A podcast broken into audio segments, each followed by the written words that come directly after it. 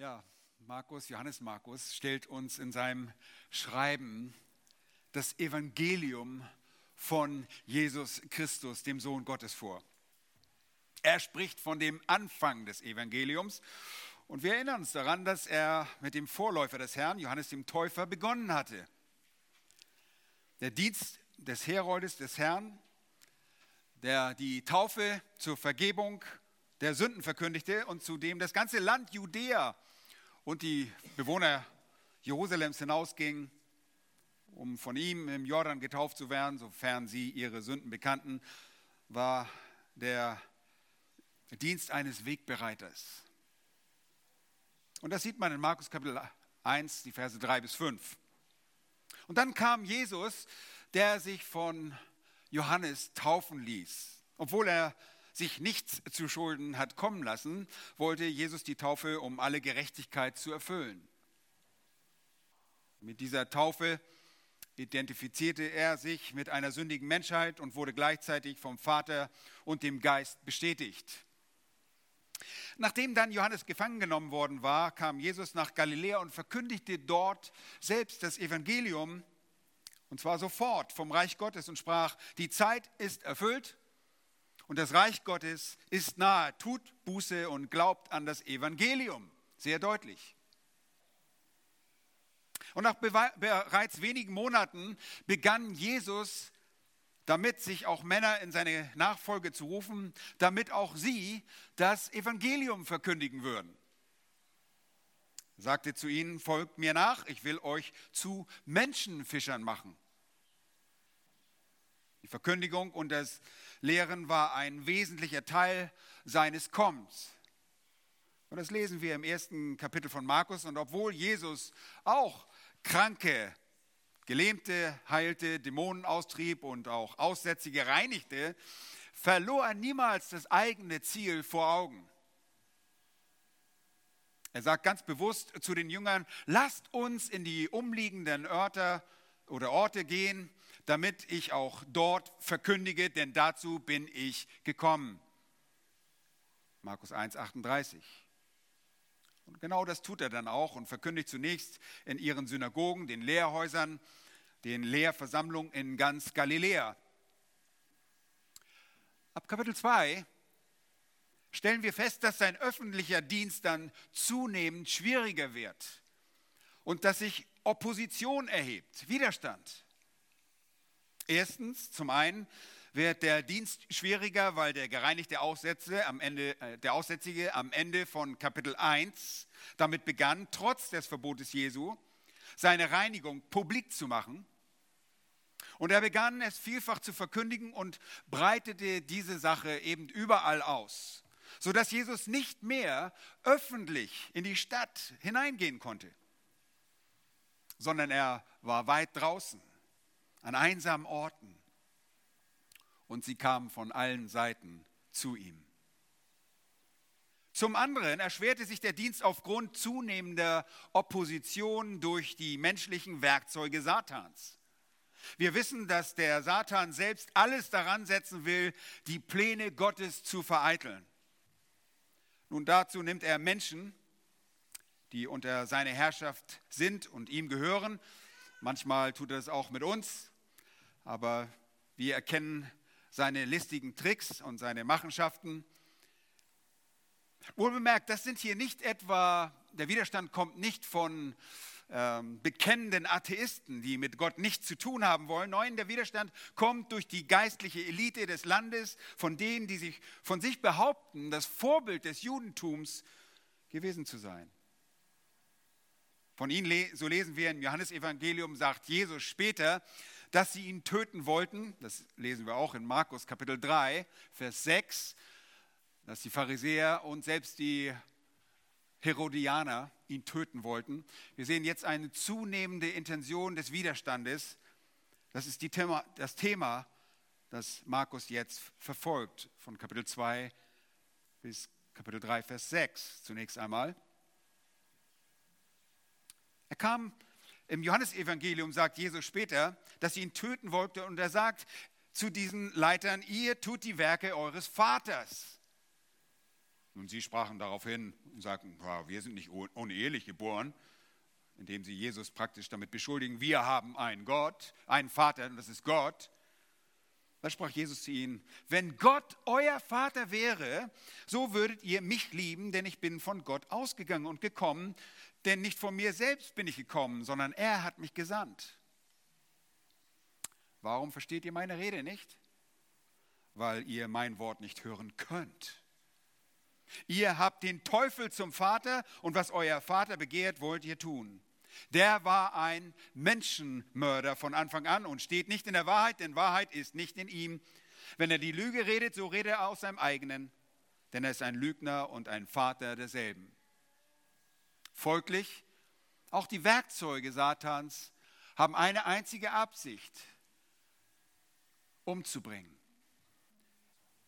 Den Schöpfer des Lebens umzubringen. Nun, die Schriftgelehrten beginnen zunächst nur böse Dinge über ihn zu denken.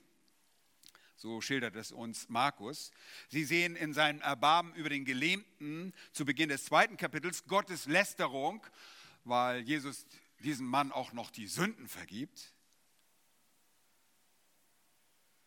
Dann treten die Schriftgelehrten und Pharisäer an die Jünger Jesu heran, als Jesus sich des Levis annimmt und mit Zöllnern und anderen Sündern zu Tische sitzt, als dieser ein Gastmahl gibt zu Ehren Jesu.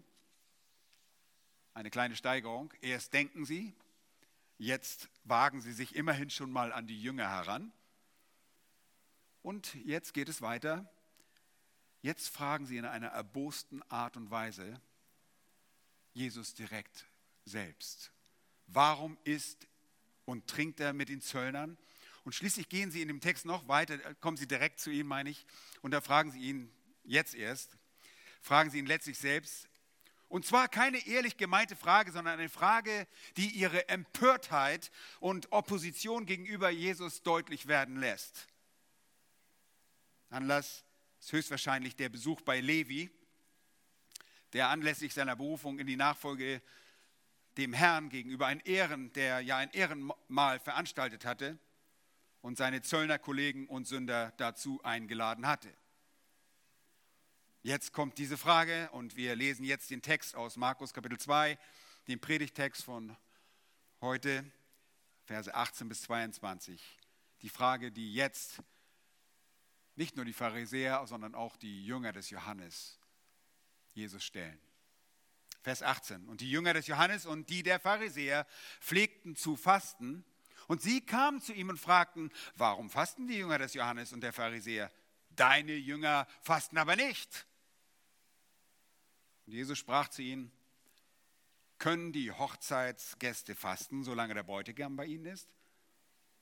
Solange sie den Bräutigam bei sich haben, können sie nicht fasten. Es werden aber Tage kommen, da der Bräutigam von ihnen genommen sein wird, und dann in jenen Tagen werden sie fasten. Vers 21, und niemand näht einen Lappen von neuem Tuch auf ein altes Kleid, sonst löst sein neuer Flicken sich ab vom alten und der Riss wird schlimmer. Und niemand füllt neuen Wein in alte Schläuche, sonst zerreißt der neue Wein die Schläuche und der Wein wird verschüttet und die Schläuche verderben, sondern neuer Wein soll in neue Schläuche gefüllt werden. Und die letzten drei Berichte von der Heilung des Gelähmten an bis jetzt sind wahrscheinlich alle sehr schnell hintereinander geschehen, diese Ereignisse. Denn alle Evangelien, Matthäus und Lukas, berichten sie genau in dieser Reihenfolge ununterbrochen ohne Unterbrechung hintereinander weg. Der Paralleltext heute zu diesem Text befindet sich im Matthäus-Evangelium Kapitel 9, die Verse 14 bis 17. Und es ist wirklich interessant, dort geben, bekommen wir ein paar andere Aspekte. Und auch im Lukas-Evangelium Kapitel 5, die Verse 33 bis 39, wird von diesem Ereignis berichtet. Nun, das Evangelium von Jesus Christus, das uns Markus vorstellt, ist eine einzigartige und einmalige Botschaft. Diese Botschaft verleiht dem Christentum eine Unvergleichlichkeit. Und das biblische Christentum hebt sich durch die Botschaft des Evangeliums von allen anderen Religionen ab. Denn allein das Evangelium im wahren Christentum ist Gottes Kraft zur Errettung für den Menschen, der glaubt. Das biblische Christentum hat das Evangelium von Jesus Christus im Zentrum. Es ist das, der Dreh- und Angelpunkt aller wahren Christen. Es ist eine Botschaft, die nebst der Errettung eine innere Veränderung in dem Glaubenden bewirkt. Es ist die Botschaft der innerlichen Veränderung statt äußerlicher Zeremonie, statt externem Ritualismus. Und somit unterscheidet sich das biblische Christentum auch von den Ansichten der großen Kirchen. Zum einen sehr klar und deutlich von der katholischen Ideologie mit ihrer Werkgerechtigkeit und der Heraussetzung, äh, Herabsetzung biblischer Aussagen. Hinzufügung zum Text. Wir haben gerade das Reformationslied gesungen. Die katholische Kirche führt nicht, setzt nicht nur Dinge ab, sondern führt auch Dinge hinzu, fügt hinzu. Sie verlassen eindeutig das Prinzip von sola scriptura, allein die Schrift. Mittlerweile auch sehen wir die, den klaren Unterschied zu der großen evangelischen Kirche die von der Irrtumslosigkeit der Schrift schon lange abgerückt ist. Und der Unterschied ist ebenso deutlich im Vergleich zu allen möglichen Sekten. Vom Christentum abweichende Gruppierungen, die das Evangelium verwässert, entfernt haben, beziehungsweise die das Evangelium nie gekannt haben. Seien es Mormonen, Zeugen Jehovas, Adventisten und ursprünglich auch christliche Vereinigungen, die den Kampf für die Wahrheit schon lange aufgegeben haben. Sie alle unterscheiden sich vom Christentum wie das Leben vom Tod. Ja, all diese Gruppierungen sind letztlich selbst todbringende Verirrungen, die äußerst gefährlich sind. Interessanterweise schreiben gerade diese Gruppierungen uns zu, dass wir gefährlich sind, weil wir mit der Bibel argumentieren. Nochmals, das wahre Evangelium das wahre Christentum vielmehr ist aufgrund seiner Botschaft nicht mit diesen zum ewigen Tod führenden Gemeinschaften kompatibel. Es lässt sich nicht mit diesen Gemeinschaften kombinieren. Es ist nicht mit den Ansichten dieser Gruppen vereinbar. Es ist unverträglich und es passt in keiner Weise zusammen. Und aus diesem Grund gibt es uns für uns auch mit diesen Gruppierungen keinerlei gemeinsame geistlichen Aktivitäten und Unternehmungen wäre ein Ziehen am fremden Joch mit Ungläubigen, so drückte es Paulus im zweiten Korintherbrief aus.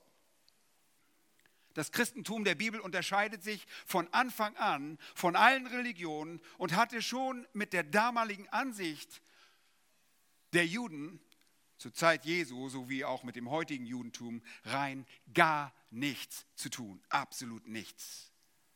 Und das ist die Wahrheit. Trotz einer gemeinsamen geschichtlichen Grundlage könnte der Kontrast und Unterschied zwischen den Anhängern dieser Gruppierung, zwischen dem wahren Christentum und dem Judentum nicht größer sein. Es ist wie schwarz und weiß, es ist der Unterschied zwischen Wahrheit und Lüge. Trotzdem versuchen religiöse Menschen, die religiösen Menschen des Christentums immer wieder das Christentum zu erweitern und möchten am liebsten alle möglichen Gruppierungen darin einschließen. Das Verlangen in der Welt, etwas darstellen zu können, treibt diese Menschen unablässig dazu an, die verschiedensten Gläubigen aller Denominationen und Glaubensrichtungen zusammenzubringen. Man sei, so heißt es in der Charta ähm, Ecumenica, man sei unterwegs auf dem Weg zur sichtbaren Gemeinschaft der Kirchen in Europa. Und dieses Bestreben des ökumenischen Geistes hat erschreckend viele Menschen vereinnahmt. In dem Denken, man würde damit dem Wunsch Gottes und des Herrn Jesus Christus gerecht, eine Einheit zu wirken, gerecht werden. Erst letzte Woche auf der Beerdigung meines Bruders begegnete ich einer älteren Dame, die mir beipflichten wollte, wie wichtig es doch heute sei, dass wir auch mit den Christen der Katholiken zusammenstehen und zusammenarbeiten. Nun, das ist ein Problem, denn das Evangelium, das die katholische Kirche von offizieller Seite verbreitet, ist kein Evangelium. Es ist keine gute Nachricht. Es ist kein Evangelium, sondern es ist ein Wort, das sie, sie Fluch, Fluch über sich bringt. Und deshalb finden wir bestenfalls verehrte Christen in dieser Institution von Kirche. Nun, das trifft auch noch heute deutlicher auf das Judentum zu. Jüde, der jüdische Glaube, wie er zur Zeit Jesu existierte und wie er sich auch heute noch darstellt, steht dem Christentum fern. Es ist nicht einmal das Evangelium in diesem Judentum vorhanden. Jesus macht das in unserem Abschnitt sehr deutlich. Die Begegnung Jesu mit den in unserem Text erwähnten zwei Gruppen aus dem Judentum macht es deutlich, dass das Evangelium, die frohe Botschaft von Jesus, sich drastisch von den Menschen erdachten Zeremonien, ihrer selbstgerechten Traditionen und ihrer Riten unterscheidet. Ihre Religiosität ist dem Christentum, mit dem Christentum absolut nicht vereinbar. Nun, wie erkennen wir das? Wir sehen es in dem einen Vers an den zwei Gruppen, und an der einen gemeinsam vorgebrachten anklagenden Frage in Vers 18. Nochmals. Da heißt es, und die Jünger des Johannes und die des, der Pharisäer pflegten zu fasten. Und sie kamen zu ihm und fragten, warum fasten die Jünger des Johannes und der Pharisäer, deine Jünger aber fasten nicht? Nun, hier kommen Vertreter zweier jüdischer Gruppierungen auf Jesu zu. Zum einen die Jünger des Johannes. Und das überrascht vielleicht ein bisschen. Zum anderen die Jünger der Pharisäer, obwohl man eigentlich wenig von Jüngern der Pharisäer spricht. Ich gehe noch gleich darauf ein. Die, Fragen, die Frage betrifft sowohl zunächst nur das Fasten, aber dahinter steht ein wesentlich umfangreicheres Problem. Denn diese Abgesandten kommen nicht mit einer ehrlichen, sie kommen nicht mit einer objektiven Frage zu Jesus, vielmehr drücken ihre Worte Unverständnis und Unmut aus. Unverständnis darüber, wen sie wirklich da vor sich haben. Sie glauben nicht einen Moment, dass da Gott vor ihnen steht, der Schöpfer dieser Welt. Unmut, weil sie sich damit, weil sie damit einverstanden sind, was Jesus selbst äh, weil sie nicht damit einverstanden sind, was Jesus selbst lebt und was er seinen Jüngern beibringt, beziehungsweise nicht beibringt. Sie sehen in Jesus schon jetzt einen argen Feind. Und wirklich, sie sind in Lauerstellung. Sie lauern nur darauf, dass sie in Jesus bei einer unangemessenen, sündigen Tat an seiner Seite sind und ihn irgendwie erwischen. Irgendein Versagen, eine Unterlassung in Tat oder Wort und dass sie ihn irgendwie überführen können. Das ist ihr allergrößter Wunsch. Zwei Gruppen. Jünger des Johannes. Nun, das ist ein bisschen verwunderlich, oder? Offensichtlich gehören diese Anhänger des großen Propheten, diese Schützlinge des Täufers, zu den fehlgeleiteten Nachfolgern seiner Person und seiner Lehre. Sie sind fehlgeleitet. Was meine ich damit? Johannes verwies deutlich bei seiner Taufe, bei der Taufe und bei der Taufe Jesu und bei seiner Verkündigung auf Jesus als das Lamm Gottes. Er, Johannes, wirkte als Wegbereiter und das hatten diese Männer nicht begriffen oder sie wollten es nicht begreifen der den Johannes verkündigte, der war nun gekommen. Nun war es für sie an der Zeit, von dem zu lernen, den Johannes angekündigt hatte. Wären sie wahre Jünger des Johannes gewesen und hätten sie seine Botschaft ergriffen, dann wären sie jetzt nicht mehr die Jünger des Johannes, sondern die Jünger Jesu. Sie würden sich mit seiner Person identifizieren und ihm glauben. Diese Frage offenbart etwas anderes. Matthäus macht in dem Paralleltext sehr deutlich, dass diese Jünger des Johannes die treibende Kraft hinter dieser äh, Auseinandersetzung mit Jesus waren. Da heißt es, da kamen die Jünger des Johannes zu ihm und sprachen, warum fasten wir und die Pharisäer so viel? Matthäus hebt also diese Gruppe hervor. Die zweite Gruppe setzte sich offensichtlich aus Pharisäern zusammen, die hier zusammen, so wie die Nachfolger des Johannes, Anstoß an Jesu Verhalten nahmen, dass er mit den Zöllnern und Sündern zu Tische lag. Das konnten sie nicht verstehen. Sie beschuldigten ihn später eines Säufers und eines Fressers zu sein. Er frisst und säuft und während sie doch fasteten. Nun, für diese Gruppe war es unvorstellbar, dass diese Menschen, mit denen sich Jesus abgegeben hatte bei diesem Festmahl des Levis, dass diese Menschen überhaupt Vergebung haben könnten. Sie nahmen Anstoß daran und künftig sollten sie noch an vielen anderen Dingen Anstoß nehmen, bis zu dem Punkt, wo sie ihn umbringen wollen. Nun, Jesus macht durch seine Antwort auf ihre Frage gleich drei Dinge deutlich. Ihr denkt vielleicht, Mensch, woher hast du das alles? Nun, hier ist einmal sehr wichtig der Schriftzusammenhang. Hier geht einfach deutlich hervor, fromme Rituale menschlicher Selbstgerechtigkeit sind einfach nur nutzlos. Sie sind nutzlos. Sie retten dich nicht. Sie verschaffen dir keine bessere Position vor Gott.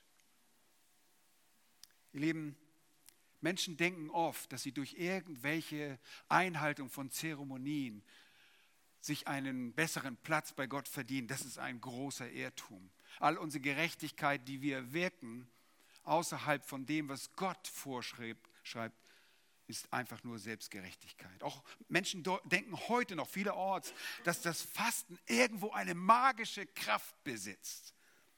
Und ich habe gesagt, hier geht es zunächst einmal ums Fasten, aber steht noch viel mehr dahinter.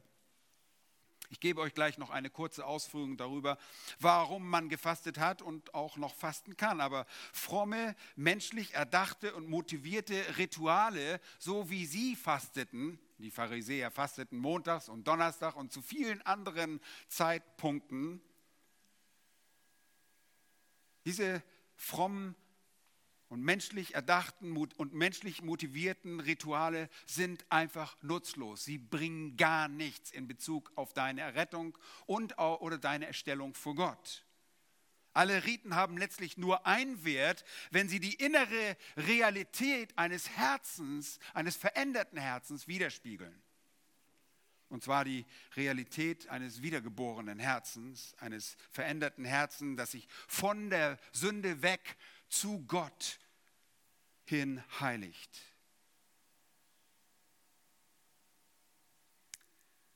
Nun, da steht ein bisschen dahinter. Sie kommen mit Selbstgerechtigkeit und fragen, hey, was ist mit deinen Jüngern los? Das ist doch deine Verantwortung. Du lehrst doch diese Jünger und sie tun das offensichtlich nicht. Wo finden wir euch? Bei diesem Gastmahl, am Schlemmen mit Sündern. Das war ihnen einfach zu viel. Nun, es hat ihnen nichts gebracht. Im Gegenteil, fromme Rituale menschlicher Selbstgerechtigkeit sind gefährlich. Sie sind gefährlich, sie führen zu einer Art Selbstgerechtigkeit und mit einer Selbstgerechtigkeit kommt auch sehr häufig was, Überheblichkeit einher. Es führt zu einer falschen Einschätzung. Sie machen den Menschen blind für die Notwendigkeit der eigenen Errettung. Und ich erinnere mich nur an das Ereignis, als der Pharisäer mit dem Zöllner in den Tempel kommt, in Lukas Kapitel 18, Vers 10 bis 14. Selbstgerecht steht er dort und betete folgendermaßen, da heißt es in Vers 10, es gingen zwei Menschen hinauf in den Tempel, um zu beten. Der eine ein Pharisäer, der andere ein Zöllner, was schon ein Ärgernis war überhaupt, dass diese Zöllner in den Tempel gehen sollten, denn dort durften sie nicht sein. Der Pharisäer stellte sich hin und betete bei sich selbst so, oh Gott, ich danke dir, dass ich nicht bin wie die übrigen Menschen, Räuber, ungerechte Ehebrecher oder auch wie dieser Zöllner. Ich faste zweimal in der Woche. Oh, ja, wirklich gut und ich gebe den Zehnten von allem, was ich einnehme. Und der Zöllner stand von ferne, wagte nicht einmal die Augen zum Himmel zu erheben, sondern schlug an seine Brust und sprach, O Gott, sei mir Sünder gnädig. Ich sage euch, dieser ging gerechtfertigt in sein Haus hinab, im Gegensatz zu jenem. Denn jeder, der sich selbst erhöht, wird erniedrigt werden. Wer aber sich selbst erniedrigt, der wird erhöht werden, erhöht werden, erhöht werden. Nun, eindeutig, diese menschliche Selbstgerechtigkeit, die sich in verschiedenen Ritualen ausdrückt, nicht nur im Fasten, sind sehr gefährlich. Man kommt zu einer falschen Selbsteinschätzung. Man glaubt sich auf einem höheren geistlichen Niveau zu befinden, als dass man es wirklich ist. Jesus lehrte in der Bergpredigt auch von dieser Gefahr und er sagt, wenn ihr aber fastet, dann sollt ihr nicht finster, finster dreinsehen wie die Heuchler. Und genau das taten die Pharisäer.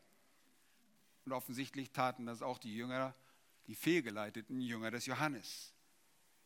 Sie stellten sich wie finstere Heuchler, schauten sie hinein wie Heuchler, denn sie verstellen ihr Angesicht, damit es von den Leuten bemerkt werden, dass sie fasten. Wahrlich, ich sage euch, sie haben ihren Lohn schon empfangen. Sehr gefährlich. Ihr Lohn ist in diesem, in diesseitigen Leben, hier in diesem Leben, nicht im ewigen Leben. Diese Rituale menschlicher Selbstgerechtigkeit sind nicht nur nutzlos, sondern sie sind in der Tat sehr, sehr gefährlich. Wir leben in der Anwendung, wissen wir auch um Menschen, die oft aufgrund irgendwelcher bestimmten Rituale, die sie durchführen, von sich denken, dass sie irgendwie viel geistlicher sind. Weil sie zu einer gewissen Zeit vielleicht aufstehen und in einer gewissen Zeit die Bibel lesen, obwohl das eine gute Sache ist. Fasten ist nicht schlecht und wir werden gleich noch hören, wir dürfen fasten.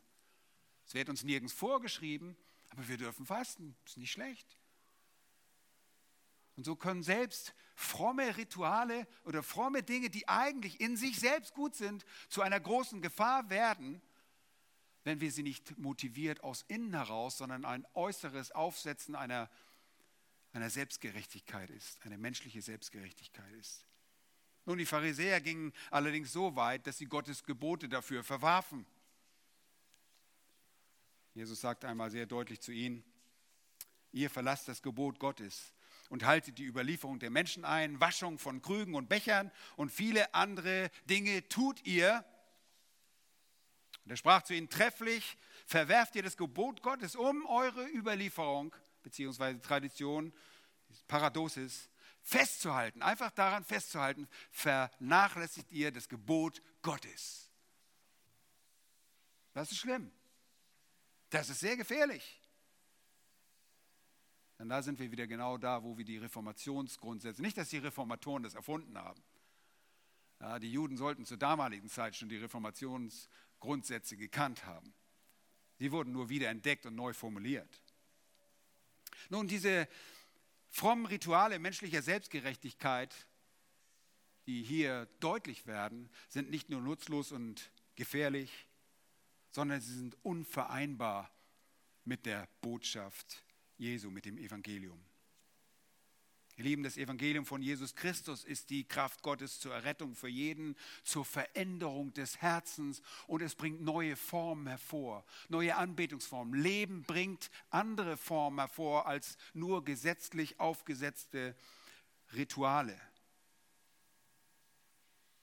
Es lässt sich nicht mit dem Judentum den äh, die, im Judentum eingeschlichenen äußerlichen Ritualen vereinigen.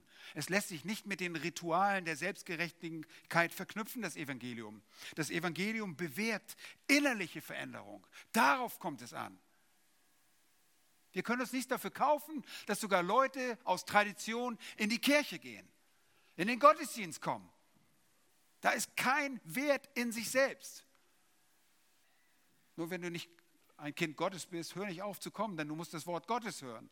Aber da ist kein Wert drin in, dieser, in diesem Ritual. Es kann ein bloßes Ritual sein, dass du nur kommst, wenn hier das Abendmahl gefeiert wird, dass du nur kommst, um ein ruhiges Gewissen zu haben oder irgendwie anderen Leuten zu sagen, so schlimm bin ich ja wohl doch nicht. Nun, das Evangelium bewirkt eine innerliche Veränderung, eine Erneuerung durch den Glauben an den Tod Jesu Christi und an seine Auferstehung. Wenn du das glaubst, dann wirst du Dinge tun, weil du sie tun willst, nicht weil du irgendjemand beeindrucken willst. Dann tust du es aus Liebe zu Gott und nicht aus Liebe zu dir selbst, um Menschen zu beeindrucken. Nun, der Text geht weiter. Und es ist interessant, wie Jesus hier antwortet. Er sagt, Jesus sprach zu ihnen, können die Hochzeitsgäste fasten, solange der Bräutigam bei ihnen ist? Solange sie den Bräutigam bei sich haben, können sie nicht fasten. Jesus Zeit auf der Erde ist für die Seinen gleichsam ein Fest der Freude, bei dem der ewige Bräutigam zugegen ist. Das ist so wichtig zu verstehen. Diese kluge Antwort, diese bildhafte Sprache, die Jesus hier jetzt benutzt, konnte man schon verstehen. Vielleicht war das für diese Empfänger ein bisschen kryptisch. Denn sie erkannten nicht, dass er der Bräutigam ist. Aber in diesem Bild ist er der Bräutigam. Seine Jünger sind die Gäste. Auf einer Hochzeit fastet man nicht, denn Fasten ist ein Ausdruck des Leidens, der Demütigung, der Trauer. Stell dir vor, die Rabbiner hatten sogar Gesetze, die das Fasten auf einer Hochzeit äh, verboten hatten.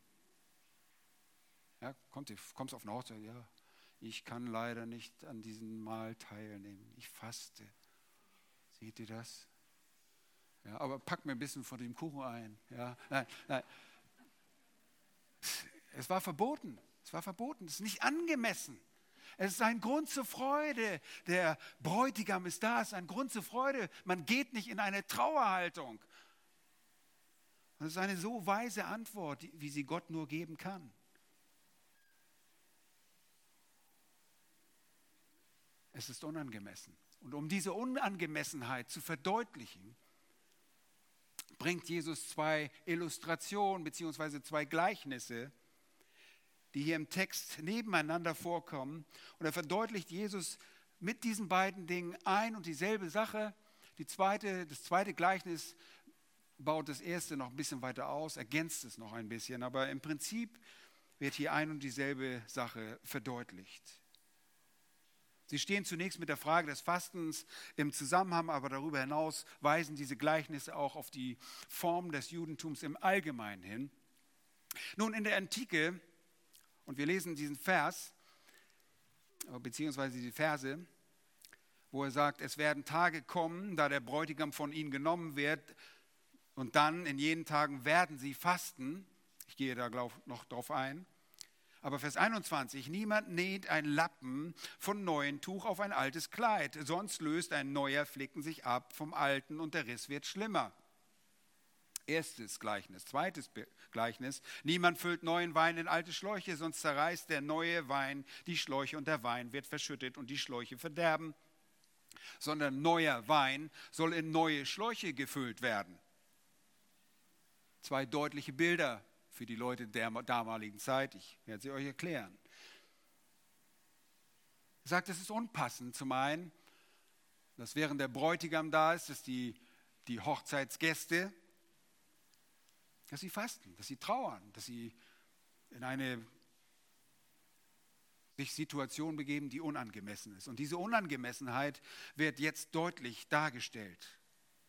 So wie man einen neuen Lappen nicht auf ein altes Tuch, auf ein altes Kleid näht, so unangemessen ist es, dass seine Jünger jetzt fasten, wenn er dort ist. Sein Erdenleben, sein Dasein ist Grund zu großer Freude. Nun, lass mich was zu diesen neuen Flicken auf ein altes Kleid sagen. Und damals waren Kleider aus nicht synthetischen Materialien hergestellt. Heute ist es ein bisschen anders, das ist alles Mögliche von Gemischen, von Polyacryl, von was weiß ich nicht, alles synthetischen Stoffen, die beim Waschen nicht einlaufen.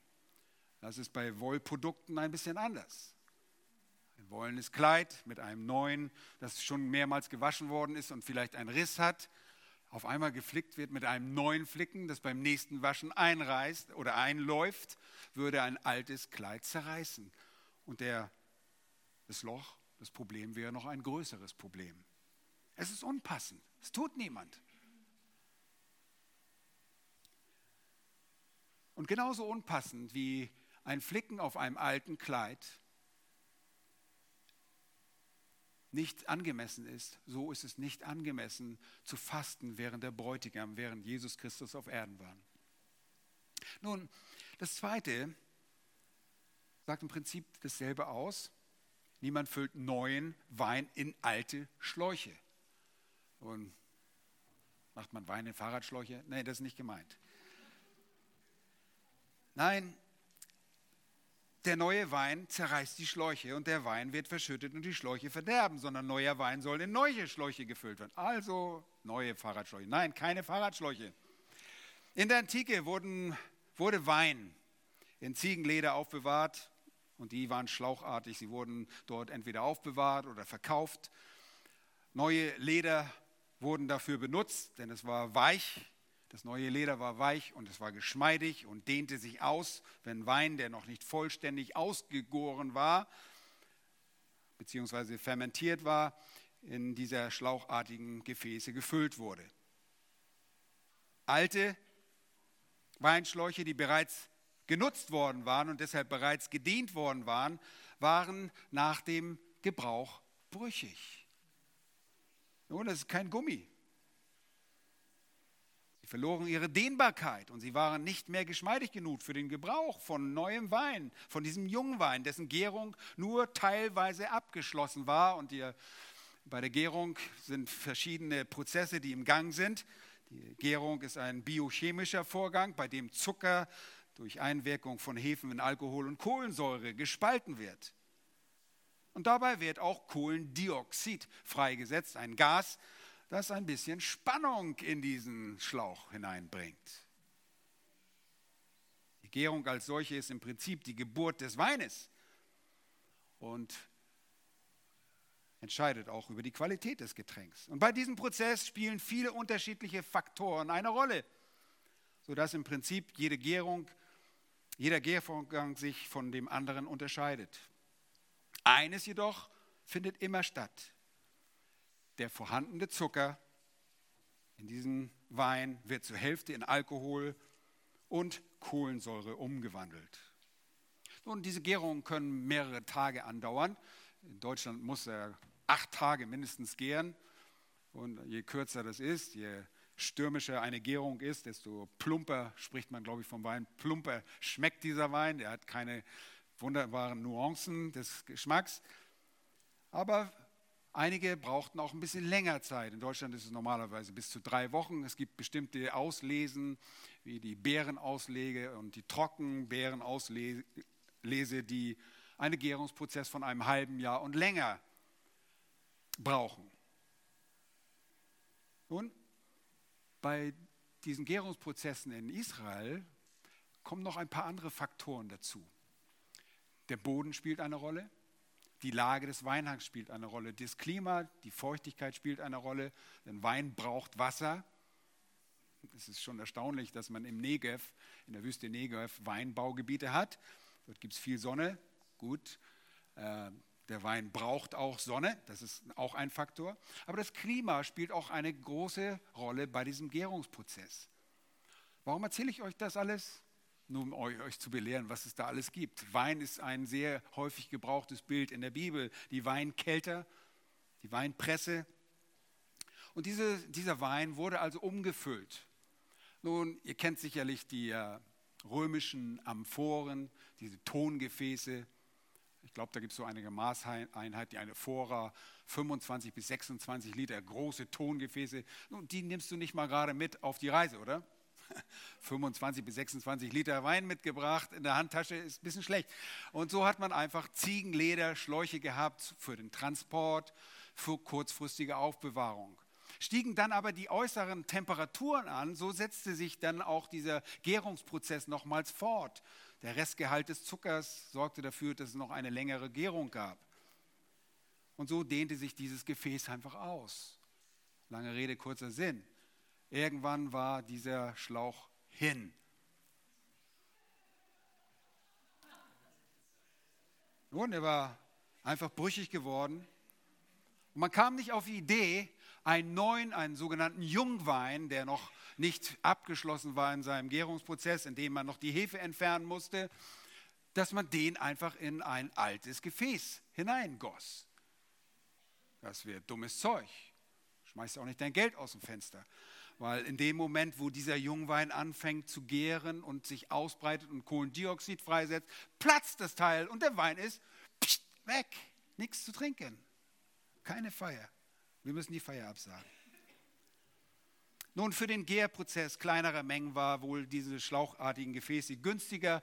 Und wenn man auch mal zu einer Feier ging, kam man halt nicht mit einem großen Tonkrug an. Nun, ich möchte nicht davon ablenken, worauf es hier wirklich ankommt. Es ist einfach nicht angemessen. Neuer Wein und hier bezeichnet er ein neues Zeitalter, das Zeitalter dieses Evangeliums bringen neue Formen. Wir brauchen neue Formen. Die alten halten nicht her. Die alten sind nicht geeignet.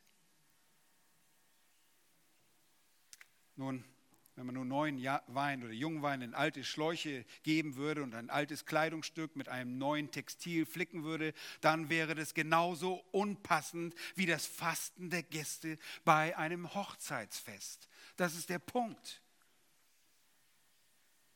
Ein Hochzeitsfest, ein neuer Wein und ein neues Kleidungsstück, das nur impliziert wird, sind alle Symbole eines neuen Zeitalters, des neuen Bundes mit dem Evangelium Jesu Christi im Zentrum. Die wichtigste Lehre des Gleichnisses, das Jesus hier anführt, ist, dass das Neue, das mit dem Kommen Jesu verbunden ist, nicht auf die alten Formen der verschiedenen jüdischen Traditionen angewendet werden kann. Der neue Bund hat seine eigenen Gesetze. Und die Botschaft vom Evangelium Jesu Christi ist nicht kompatibel mit diesen äußeren, mit diesen externen Ritualen dieser christlich-menschlichen Religion. Das ist der Unterschied. Genau das war der jüdische Glaube zum Zeitpunkt Jesu mit den verschiedenen Facetten menschlicher Hinzufügung geworden. Ihr Lieben, was ist an Fasten dran, wo, wo selbst manchmal Leute, ich, ich bin diese Frage auch schon gefragt, wie oft fastest du eigentlich? Erstmal, wenn ich faste, dann erzähle ich es dir nicht.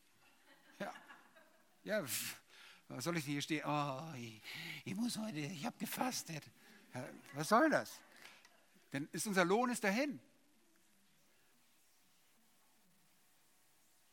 Nein, es ist, ich bin diese Frage gefragt worden, warum fastet ihr eigentlich in der Gemeinde nicht?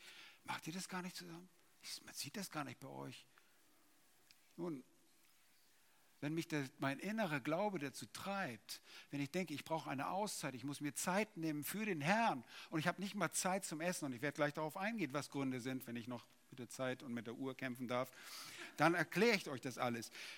Nun, die Jünger Jesu, die hier erwähnt waren, nochmals, sie sind solche, die sich aufgrund der Predigt von Johannes zu einer externen Religion haben hinreißen lassen. Und uns muss klar sein, dass nicht alle, die sich vom Jordan, im Jordan von Johannes haben taufen lassen, tatsächlich auch die inneren Konsequenzen aus der Botschaft des Teufels vollzogen hatten. Die haben das nicht kapiert. Offensichtlich waren einige seiner Jünger einem gesetzlichen Ritus verfallen. Nun, sie waren vielleicht von der krassen Sprache Johannes des Täufers beeindruckt, deutliche Sprache, die Johannes ja auch benutzt hat, sogar gegen Herodes.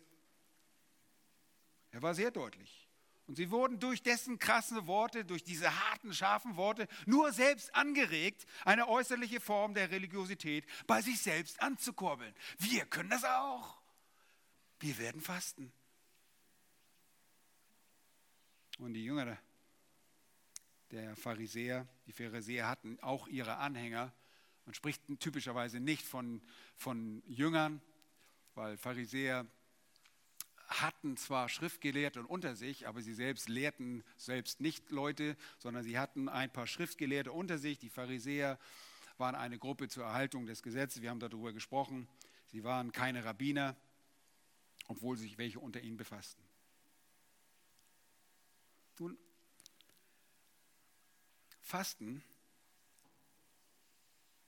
ist keine angemessene Reaktion bei der Gegenwart Jesu Christi. Freude war eine angemessene Reaktion. Und das macht er hier sehr deutlich. Als Jesus bei den Jüngern war, hatten sie allen Grund zur Freude. Allen Grund zur Freude, den lebendigen Gott zu sehen, die Herrlichkeit des Herrn zu sehen, voller Gnade und Wahrheit. Wie wunderbar. Aber Fasten ist dennoch eine angemessene Reaktion auf den Tod Jesu, so sagt er. Wir lesen den Vers 20. Es werden aber Tage kommen, da der Bräutigam von ihnen genommen sein wird. Und dann, in jenen Tagen, werden sie fasten. Fasten ist eine angemessene Reaktion auf den Tod Jesu. Das Fasten ist trotz der unangemessenen Praktiken dieser gesetzlich selbstgerechten Anhänger dieser beiden Gruppen, es ist dennoch ein angemessenes, legitimes Verhalten zu gegebenen Zeiten. Und Jesus führt hier eines an. Er sagt, es werden Tage kommen, da der Bräutigam, er spricht von sich selbst, genommen wird, er spricht von seinem Tod. Und dann in jenen Tagen werden sie, meine Jünger, werden sie fasten. Trauer wird über sie kommen. Ähm, ich glaube, John MacArthur war es, der gesagt hat, als Jesus den mit den Jüngern von Emmaus ging, äh, kam sie am Abend bei sich zu Hause an und es ist Jesus, der ihnen zu essen gibt. Was hindeutet, dass sie eigentlich fasten wollten, aber er ist in ihrem Hause und er gibt ihnen zu essen. Er bricht ihnen das Brot und gibt ihnen zu essen. Er initiiert es, dass sie essen sollen.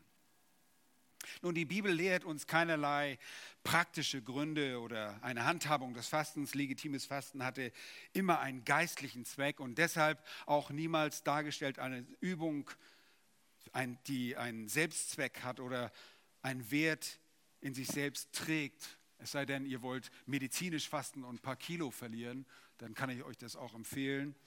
Und, ja, macht einen Einlauf, trinkt ein bisschen Glaubersalz und äh, Danke bestens, ich weiß. Aber im ANT sehen wir wirklich treue Männer und Frauen beim Fasten. Mose, Simson, Samuel, David, Elia, Esra, Nehemiah, Esther, Daniel, um einige zu nennen. Das Neue Testament erzählt uns auch von dem Fasten der Prophetin Hannah in Lukas 2, Johannes der Täufer, Jesus, Paulus und eine Menge anderer. Wir wissen auch, um dass eine große Anzahl von Kirchenvätern fasteten, so wie Luther, Calvin und Wesley. Selbst Whitfield hat gefastet und viele andere herausstehende geistliche Leiter. Nur kurz, aus welchen Gründen ist das Fasten legitim? Wann wurde gefastet? Wann und aus welchen Gründen? Ihr Lieben, im Prinzip gibt es nur ein einziges Gebot im Alten Testament und es gilt Israel warum sie fasten sollten. Und das ist das Gebot der Kasteiung, der Demütigung, das wir finden am Versöhnungstag, an dem sogenannten Yom Kippur in 3. Mose Kapitel 16. Das enthält das einzige Gebot im Alten Testament, dass man fasten solle. Und das wird nicht mal explizit gesagt, sondern ist impliziert. Und wir sehen es, dass es auch so gehandhabt wurde, dass gefastet wurde. 3. Mose Kapitel 16. Und ich habe nicht die Zeit, euch das alles vorzulesen. Aber das wird aufgegriffen in 3. Mose, Kapitel 23, Vers 27. Da heißt es: Doch am 10. dieses siebten Monats, da ist der Versöhnungstag. Eine heilige Versammlung soll er für euch sein. Und ihr sollt euch selbst demütigen und sollt Jahwe ein Feueropfer darbringen. Diese Demütigung spricht von einer Enthaltsamkeit von Speisen. Solch ein Fasten konnte auch der Gegenstand von Gelübden sein, wie es auch in 4. Mose 30 zu 14 zu finden ist. Etwas Außergewöhnliches und nicht wiederholbares Ereignis finden wir bei Mose, als er 40 Tage und Nächte auf dem Berg Sinai in der Gegenwart Gottes war, in 2. Mose 24, äh 34 vielmehr, Verse 28, da heißt es, Mose blieb 40 Tage und 40 Nächte dort bei Jahwe Brot aß er nicht und Wasser trank er nicht. Bitte versucht das niemals. Auch wenn ihr tolle Helden sein wollt, ihr müsst was trinken. sonst seid ihr dehydriert und äh, eure Kopfschmerzen werden es euch sagen. Ja. Ebenso übernatürlich war das Fasten des Elias, der nach seiner Speisung durch den Engel Javis mit dieser Speise 40 Tage und 40 Nächte bis zum Horeb wanderte. Auch ein ganz schönes Unterfangen.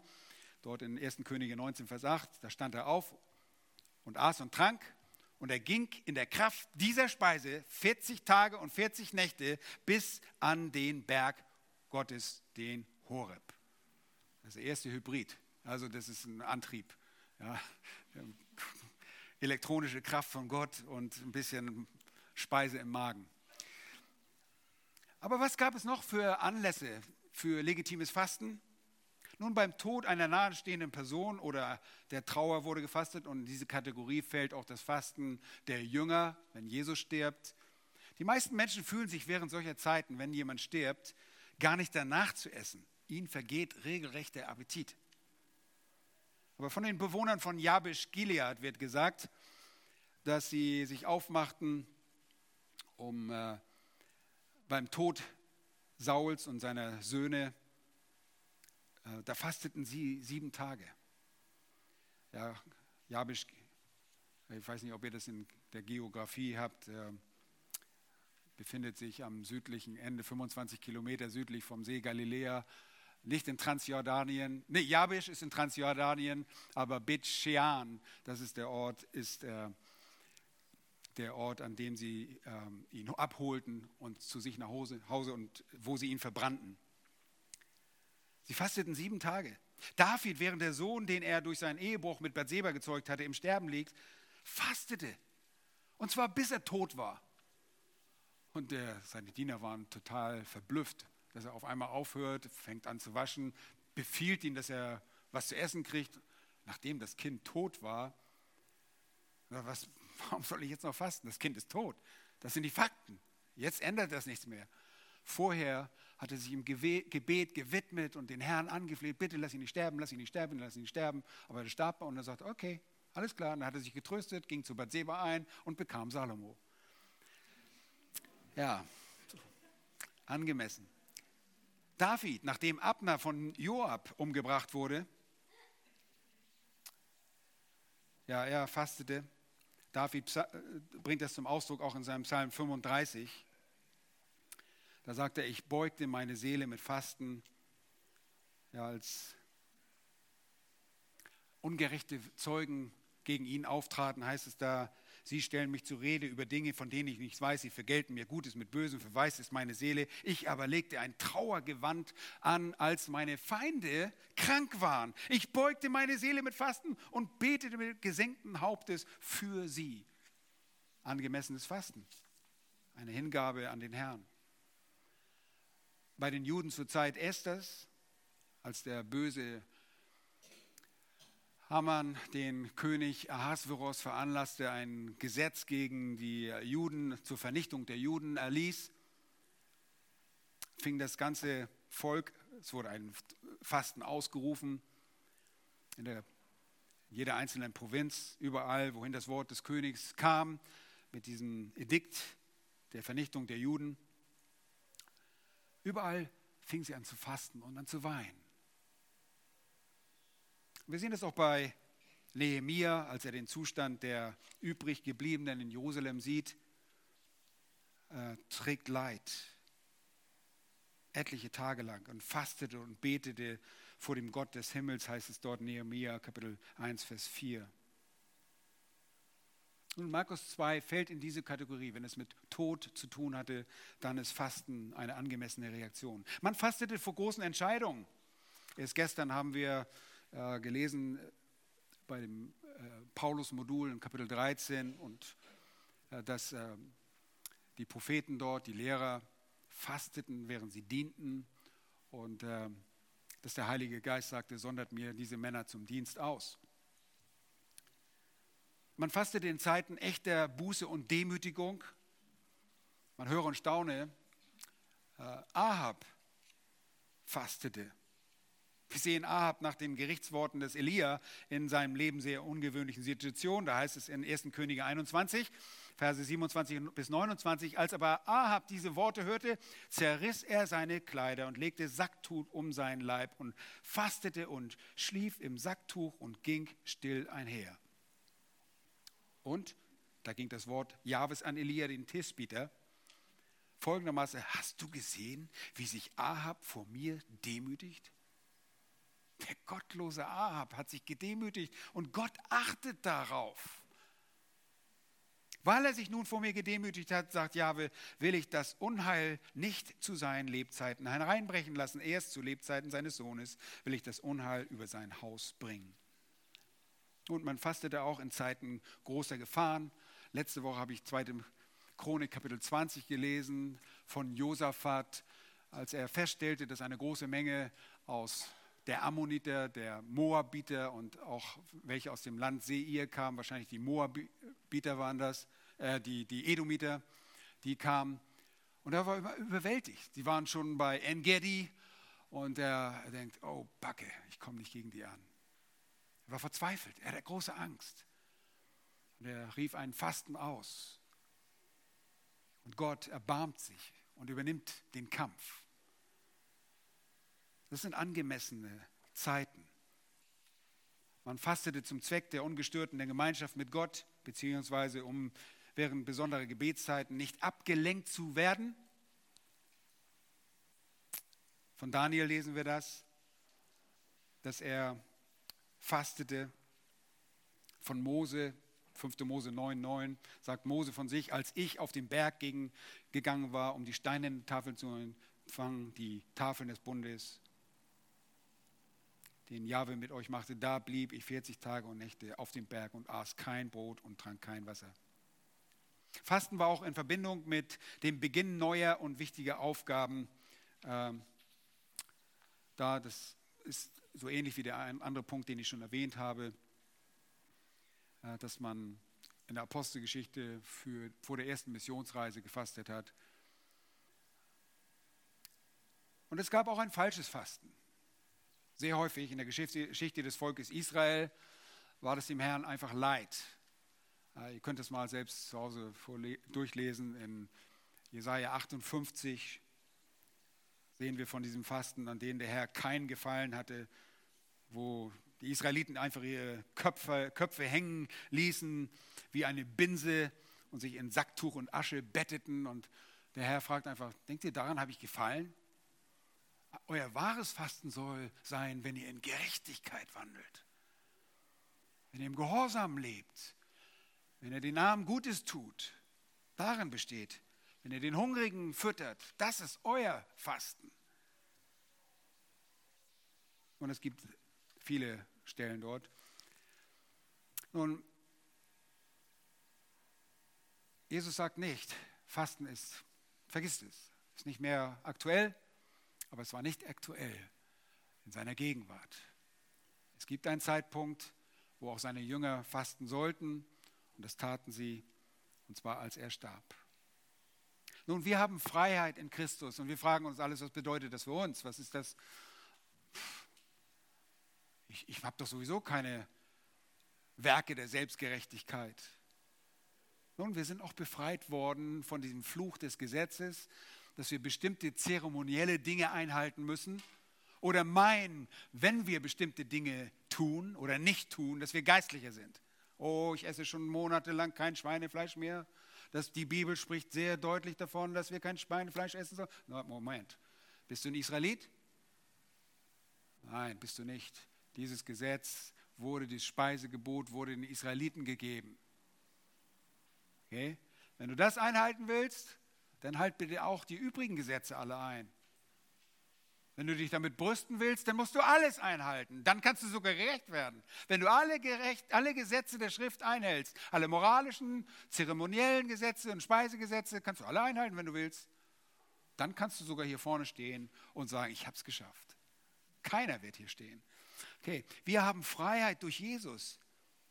Und die Galater werden aufgerufen, in dieser Freiheit festzustehen. Paulus sagt, hey, gebt nichts auf die Beschneidung, auf diese äußerliche. Steht fest in der Freiheit, zu der uns Christus befreit, vor irgend, von irgendwelchen Ritualen. Lasst euch nicht wieder in ein Joch der Sklaverei einspannen, sagt er. Er sagt, siehe, ich, Paulus, sage euch, wenn ihr euch beschneiden lasst, wird euch Christus nichts nützen. Wenn ihr euch darauf beruft, auf diese äußerlichen Dinge, hat es keinerlei Nützen. Paulus sagt im Römerbrief Kapitel 2, wer ist ein rechter Jude? Nicht der, der es äußerlich ist. Am Ende von Kapitel 2, ich lese diese Verse kurz vor, da heißt es, und nicht der von Natur unbeschnittene, der das Gesetz erfüllt, dich richten wird, der du trotz Buchstabe und Beschneidung ein Übertreter des Gesetzes bist, denn nicht der ist ein Jude, der es äußerlich ist. Auch nicht das, die Beschneidung, die äußerlich am Fleisch geschieht, sondern der ist ein Jude, der es innerlich ist. Und seine Beschneidung geschieht am Herzen, im Geist, nicht dem Buchstaben nach. Ein wahrer Kind Gottes, ein wahrer Nachkomme, ein wahrer Jude ist einer, der es innerlich ist und nicht nur dem Buchstaben äußerlich nach. Ihr seid von Christus losgetrennt, sagt er im Galaterbrief, die ihr durchs Gesetz gerecht werden wollt. Ihr seid aus der Gnade gefallen. Wir aber warten im Geist aus Glauben die Hoffnung der Gerechtigkeit. Denn in Christus gilt weder Beschneidung noch Unbeschnittensein etwas, sondern der Glaube, der durch die Liebe wirksam wird. Ihr Lieben, das ist der Punkt. Hier sind wir wieder bei der Liebe. Was ist das Endziel aller Belehrung? Die Liebe. Haben wir gerade von Pascal gelernt, oder? Jawohl. Und lass mich zu Ende bringen. Ich habe ein paar Fragen für dich. Fragen für religiöse Anbeter. Ist deine Anbetung schlichtweg eine religiöse Farce? Und vielleicht wisst ihr nicht, was eine Farce ist, aber es ist eine Angelegenheit, bei, die, bei der die vorgegebene Absicht, das vorgegebene Ziel nicht mehr ernst zu nehmen ist. Fast eine Karikatur, eine lächerliche Karikatur. Ist dein Glaubensleben Ergebnis religiöser Überlieferung menschlicher Ansichten? Hast du bestimmte Kleidungsideen, dass du vielleicht denkst, wenn mein Kleid bis zum Fußknöchel geht, dann, dann steige ich eine Stufe weiter hoch, Richtung Himmel. Ihr glaubt gar nicht, was für komische Gesetze wir in verschiedenen Gemeinden vorherrschen haben. Bestimmte Haartracht zu haben oder und das eine Tradition, weil wir denken, wir erfüllen irgendwas, was Gott gesagt hat. Da steht nichts davon da. Ist dein Glaubensleben wirklich ein Ergebnis religiöser Überlieferung, menschlicher Ansichten? Ist diese Prägung ein Hindernis in deiner Belehrbarkeit? Leute, manchmal sind Leute da so von überzeugt. Dass das, was sie tun, das muss, das ist Gesetz, das ist so festgeschrieben. Wenn das ist, weißt du, was die fatale Folge einer fehlgeleiteten Religion bedeutet? Der fatale Folge einer fehlgeleiteten Religion ist der Tod, der ewige Tod. Du wirst frei durch Christus, durch das Evangelium allein. Deshalb horch auf, horch auf. Dieses Evangelium von Jesus Christus, das macht frei. Das ist nicht, das setzt sich nicht daraus zusammen, dass wir irgendwelche Zeremonien oder irgendwelche Rituale zusammen, dass wir hier auf eine bestimmte Art und Weise anbeten, die wir uns ausgedacht haben. Ihr Lieben, sie, folgt zum sie führt zum ewigen Tod. Was Besseres können wir jetzt tun, als dem Herrn für das Evangelium zu danken?